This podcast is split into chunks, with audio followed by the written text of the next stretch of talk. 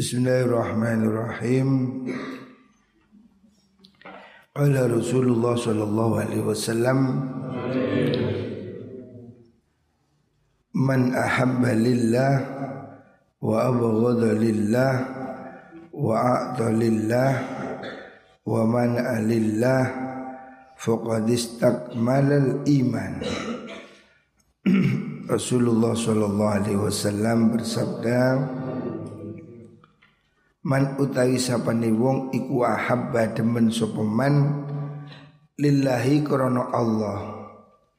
Siapa orang mencintai karena Allah Artinya mencintai sesama Apalagi sesama muslim Bukan lain jenis ya Mencintai orang-orang karena Allah Karena kebaikannya sesama santri mencintai karena disiplin, rajin ya. Siapa orang saling mencintai karena Allah wa abghadha lillah wa abghadha lan sengit sapa wong lillahi krana Allah atau benci karena Allah. Benci karena Allah artinya benci kejelekannya. Kita ini kalau benci orang Jangan benci orangnya. Tapi yang kita benci perbuatannya. Lunte-lunte umpamanya. Jangan dibenci orangnya. Doakan muka-muka orang itu dapat hidayah. Perlunteannya itu loh yang kita tidak suka ya. Mabuk ya yang tidak kita suka profesinya, maksiatnya. Jadi kita tidak berteman dengan peminum, pencuri, pezina. Tidak berteman karena Allah. Karena kita tidak ingin ketularan. Wa atolan paring sopaman lillahi karena Allah. Siapa orang memberi karena Allah tidak ada pamrih.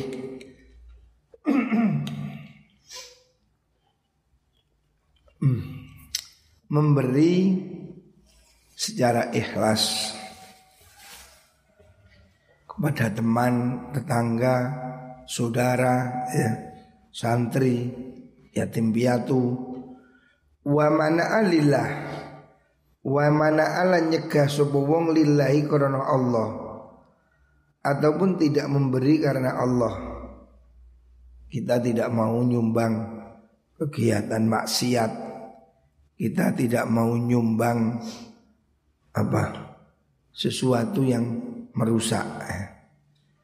Siapa orang berbuat dan tidak berbuat semata karena Allah, faqad istakmala mongko teman-teman nyempurnaaken sapa man al imana ing iman berarti imannya telah sempurna. Jadi ini harus jadi pegangan. Kita jangan terlalu memperhatikan sesuatu karena manusia. Tapi lihatlah apa yang baik dan benar menurut Gusti Allah. Ya. Tidak apa-apa kalau memang kita berbuat benar Tidak disukai pun tidak masalah.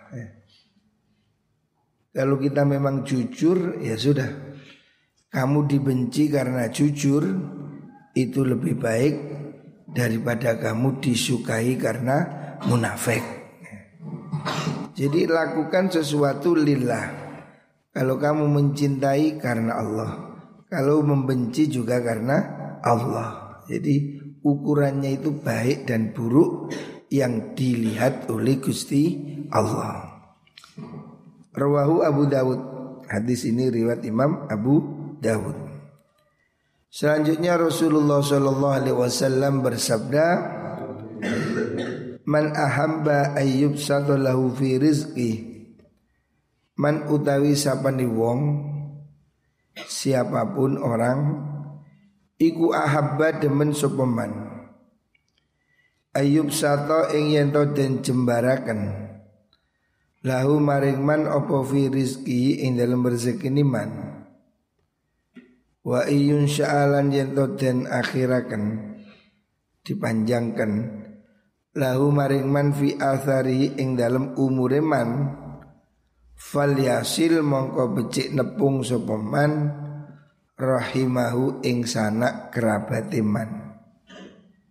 Hubungan rahim ya rahim itu kerabat ya bukan silaturahim kantor bukan itu kan bukan kerabat. Yang dimaksud rahim itu kerabat misanan, mindoan ya. Saudara-saudara yang jauh itu namanya rahim. Sambunglah hubungan silaturahim maka rezekimu akan bertambah. Umurmu juga akan panjang. Panjang bisa arti berkah. Jadi umur ini sedikit tapi berkah. Itu lebih baik daripada panjang tapi tidak berkah. Rasulullah Shallallahu Alaihi Wasallam bersabda, "Man ahabba dunyahu, man utai sapani wong iku ahabba demen sopoman. Dunyahu ing dunyane man. Siapa orang mencintai dunia, dalam arti berlebihan ya. Orang kaya itu boleh. Yang tidak boleh itu mencintai dunia. Artinya mencintai dunia itu membuat dia pelit ya. Mau berbagi eman, sodakoh eman, nyumbang eman. Karena dia cinta pada dunia itu. Lah cinta dunia itu adharra iku bahayani apa hubbud dunya bi akhirati kelawan akhirat man. Kalau kamu mencintai dunia, maka akhiratmu berbahaya. Artinya kamu bisa celaka di akhirat. Kecintaanmu pada dunia yang menyebabkan kamu tidak mau berbuat baik, tidak mau sodakoh, tidak mau berbagi itu berbahaya nih, berbahaya. Karena tidak ada gunanya harta yang kamu tumpuk-tumpuk itu. Harta yang kamu kumpulkan Harta yang kamu sisihkan sedemikian rupa Tetapi tidak kamu sedekahkan tidak kamu infakkan itu nanti menjadi tanggungan berat ya. hukumannya berat ya. percuma bayarlah kewajibanmu zakat tambahlah dengan sodakoh tidak akan berkurang harta karena sodakoh ya. orang sodakoh pasti rezekinya tambah ya. kita di pondok ini bikin acara sodakoh Jumat. Kemarin Jumat siang makan nggak? Sodakoh. Ada yang ngasih saya uang sodakoh. Besoknya dia cerita saya, Alhamdulillah uang saya tambah banyak. Saya sodakoh lagi. Makanya kemarin saya kasih uang. Kemarin makan apa? Ayam. Ada yang ngasih uang saya. Jadi alhamdulillah orang yang sodakoh tidak akan miskin, tidak akan miskin. Saya merasakan dan semua orang ya, yang yakin jangan khawatir. Semua yang kita beri pasti akan dibalas berlipat ganda oleh Gusti Allah. Ya. Pastilah. Kita ini setiap Jumat bikin sedekah Jumat. Pada Jumat makan bersama. Tambahan menu ya. Alhamdulillah tidak membuat rezeki kita kurang. Semakin kita sodakoh, pasti rezeki semakin bertambah. Hadis waqat bundi Itu kok Waman ahabba akhiratahu Adharra bidunyahu Waman taisapani wong iku ahabba Demen sopaman akhiratahu ing akhiratiman Adharra mongko bahaya akan sopaman dunyahu ing dunyahu kelawan dunia man. Orang yang terlalu sibuk akhirat dunianya juga akan ketinggalan. Terus fa'athru fa'athiru mongko no milih no maksudnya utamakan no sira kabeh ma ing perkara yapko kang tetep apa ma alama ngalahaken ing atase perkara yafna kang sirna apa mah. Ya. Hendaknya kamu memilih yang kekal. Kalau bisa dua-duanya lebih bagus. Kita ini dunia ya perlu, akhirat juga penting. Jangan sampai berat sebelah. Hanya ngurus dunia, lupa akhirat ataupun hanya ngurus akhirat sehingga lupa dunia. Hendaknya dua-duanya ini kita lakukan ya. Bekerja untuk dunia juga bekerja untuk akhirat. Muka-muka diparingi fit dunia hasanah wa fil akhirati hasanah. Kepingin dunia ini penak, akhiratnya yo penak. Dua-duanya ini penting. Jangan berat sebelah.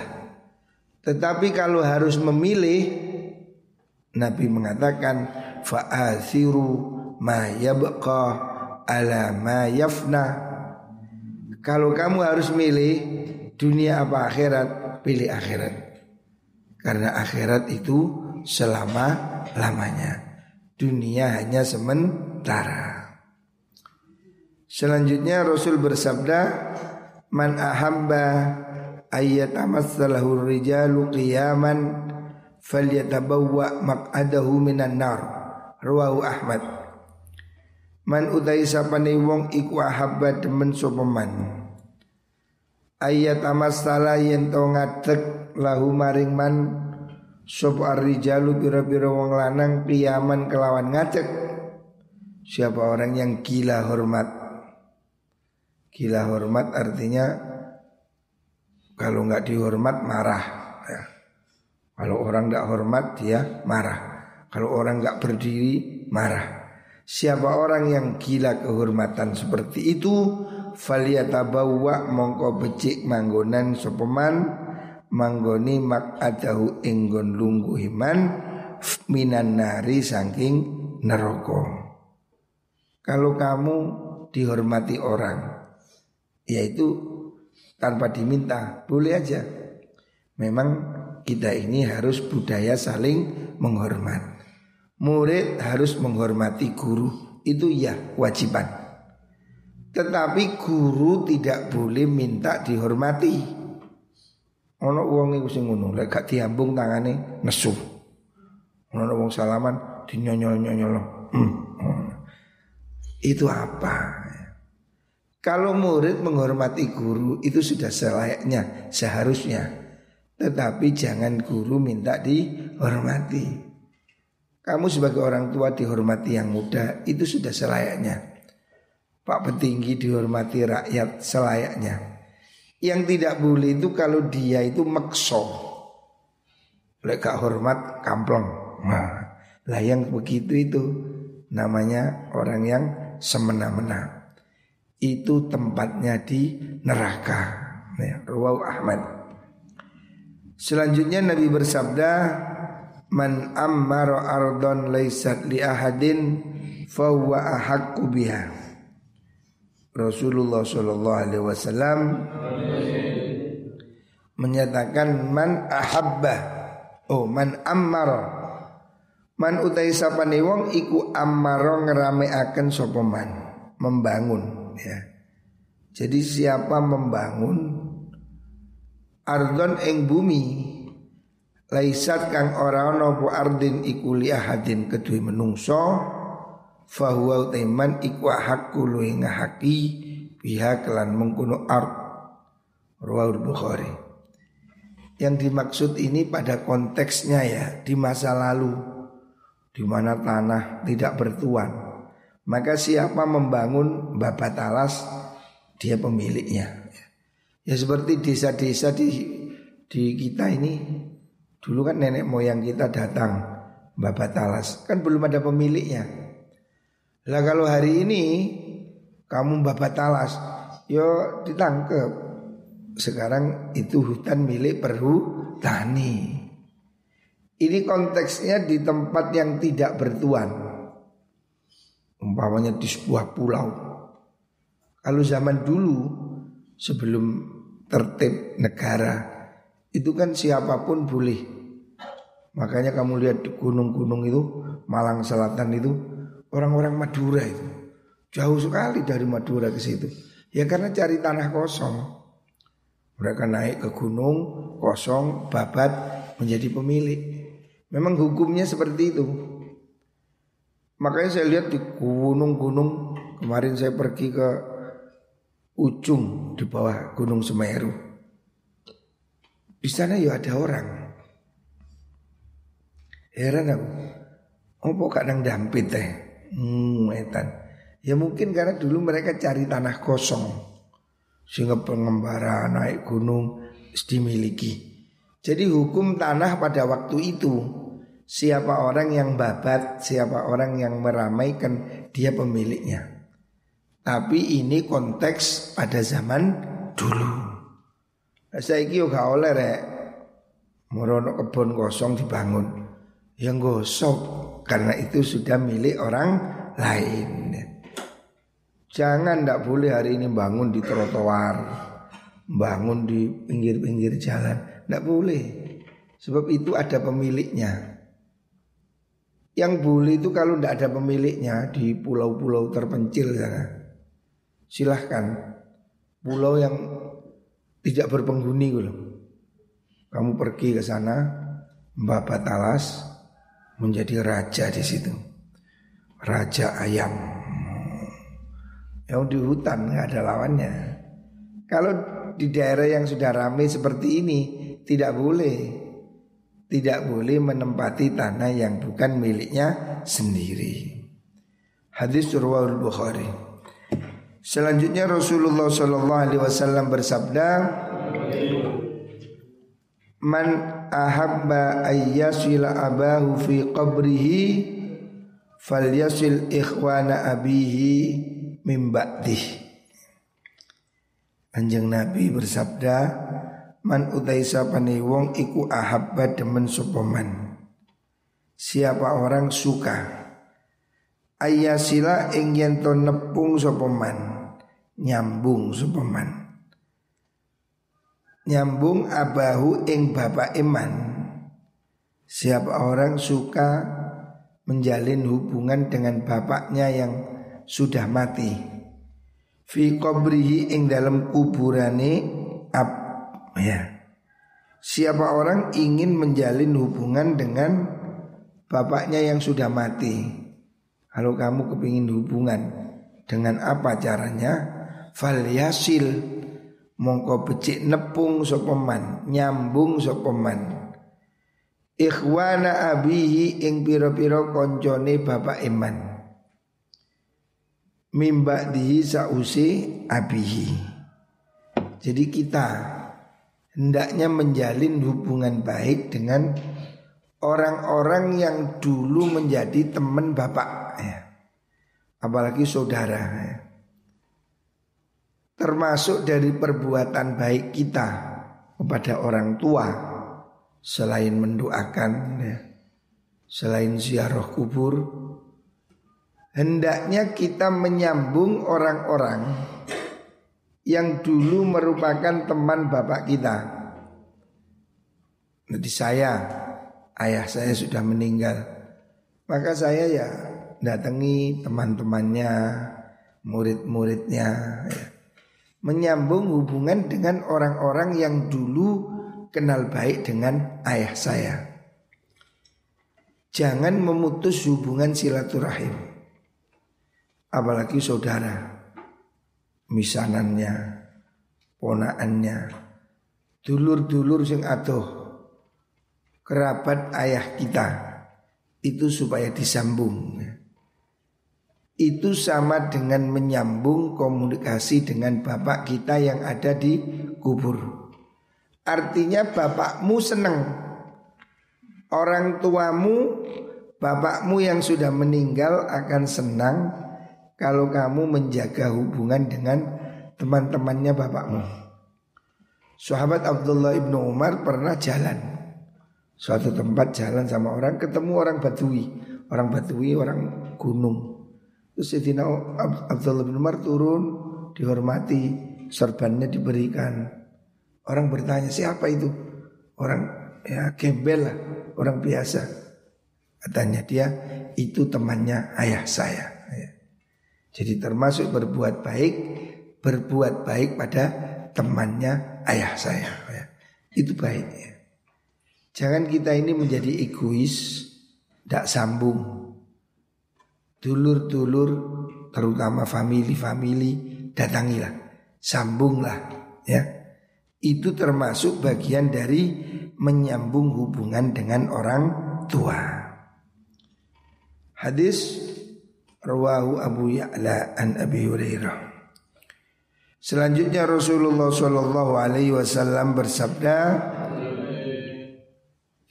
Man ahabba antasurrahu sahifatahu sahifatuhu falyukthir fiha minal istighfar Man utai sapane wong iku ahabba demen sapa man? Anta surrahu yen tombungaken hu ing man? Apa sahifatuhu catetane amaliman Siapa orang besok kepingin senang di akhirat melihat catatan amalnya bagus. Caranya fal yuksir mongko becik ngakeh-ngakeh no sopeman ngakeh no fiha ing dalam mengkuno mengkuno sahifah minal istighfari saking istighfar. Jadi hidup kita waktu-waktu kita hendaknya juga diisi dengan istighfar.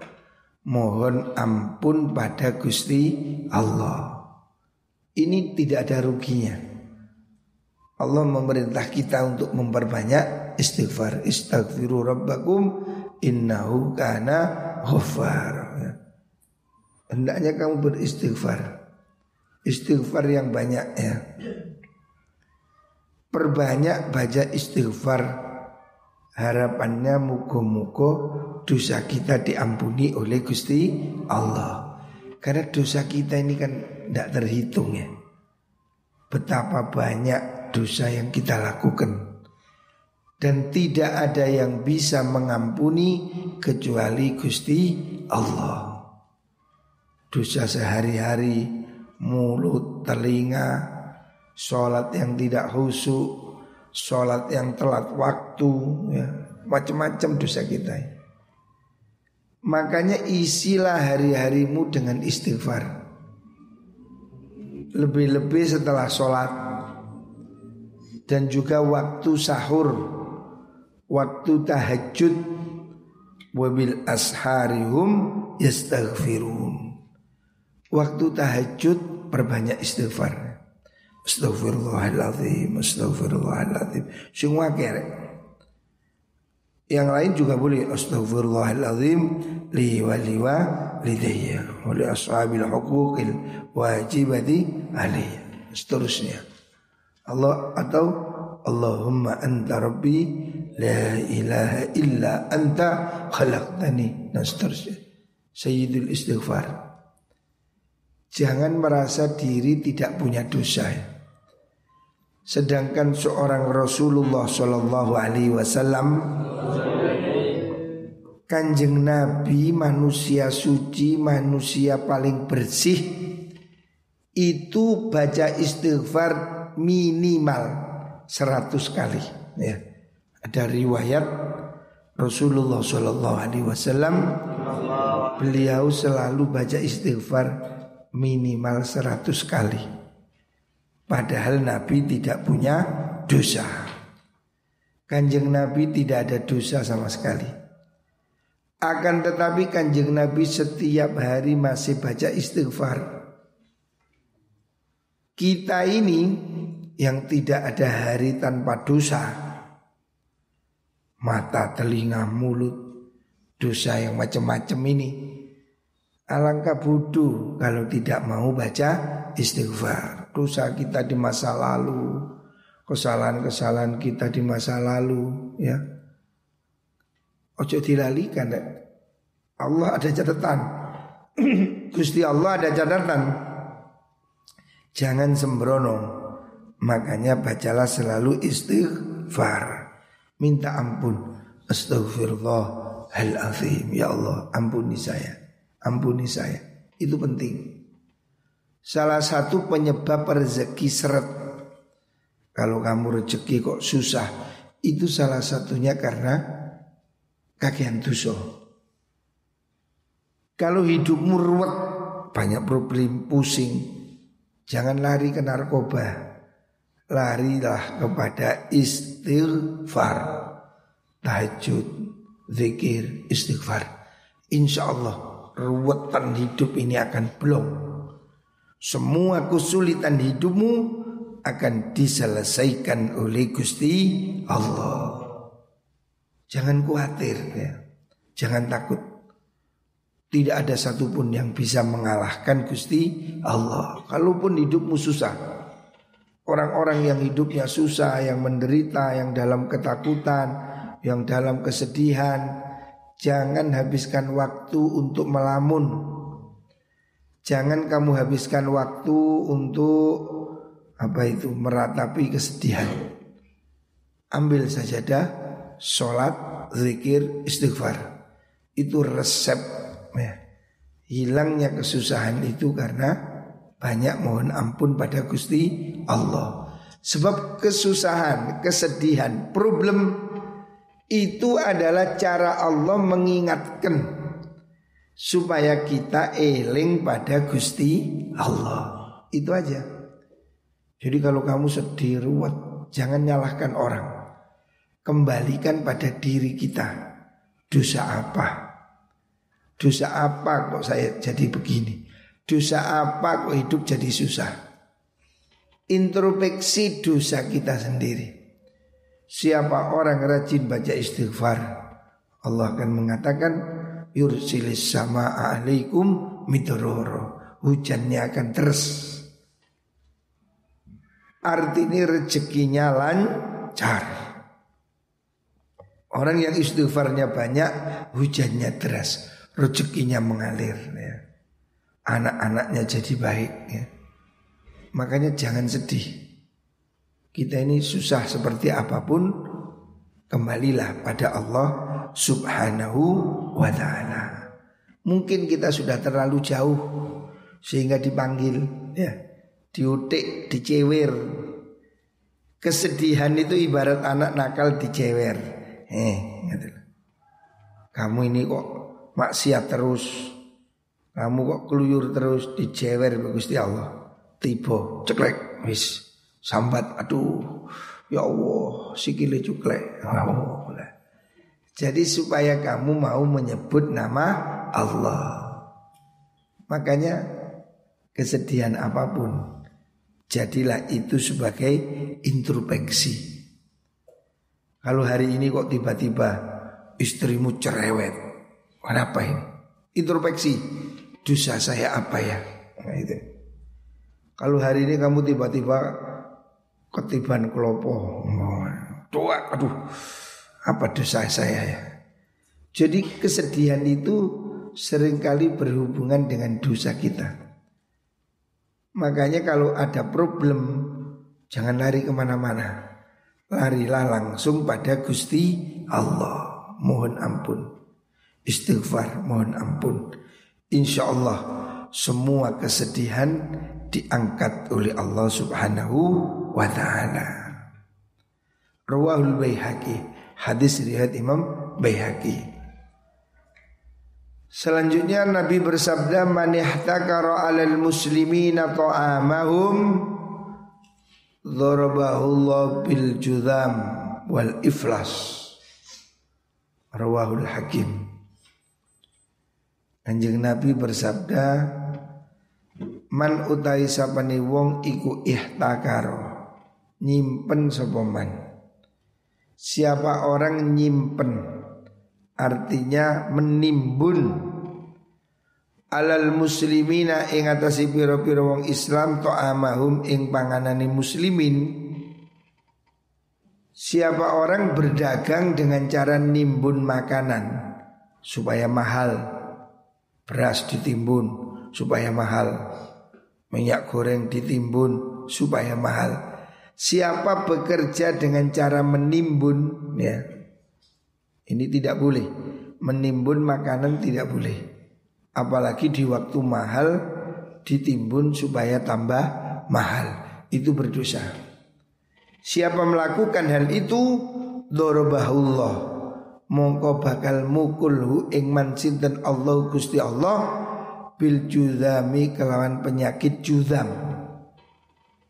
Siapa orang menimbun bahan makanan pokok Siapa orang nimbun bahan makanan pokok supaya harganya gila-gilaan supaya harganya mahal, maka Allah akan menghukum dia dengan penyakit yang berat, yaitu penyakit kusta, judam. Ya. Dia pasti akan kena akibatnya. Jadi siapa nimbun makanan, dia pasti oleh Allah akan diberi cobaan.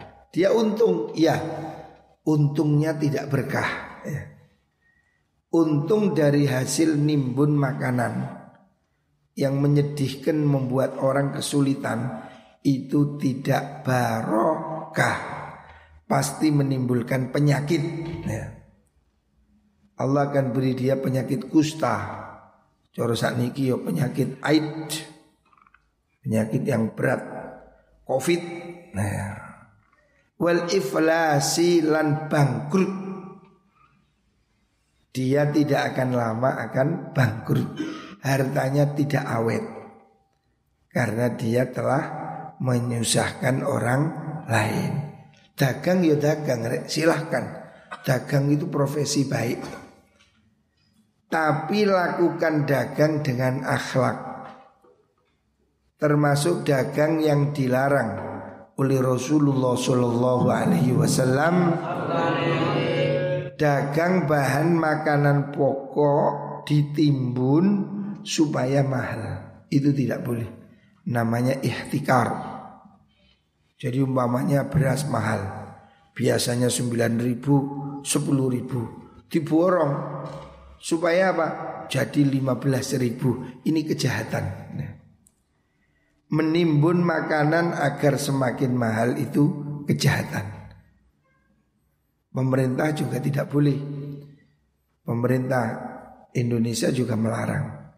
Fikih syariah juga melarang. Ya. Tidak boleh menimbun makanan pokok karena itu akan menyusahkan orang lain. Ya. Moga kita diberi rizki yang barokah. Semoga semua dihilangkan kesulitan dan penyakitnya oleh Allah Subhanahu wa taala.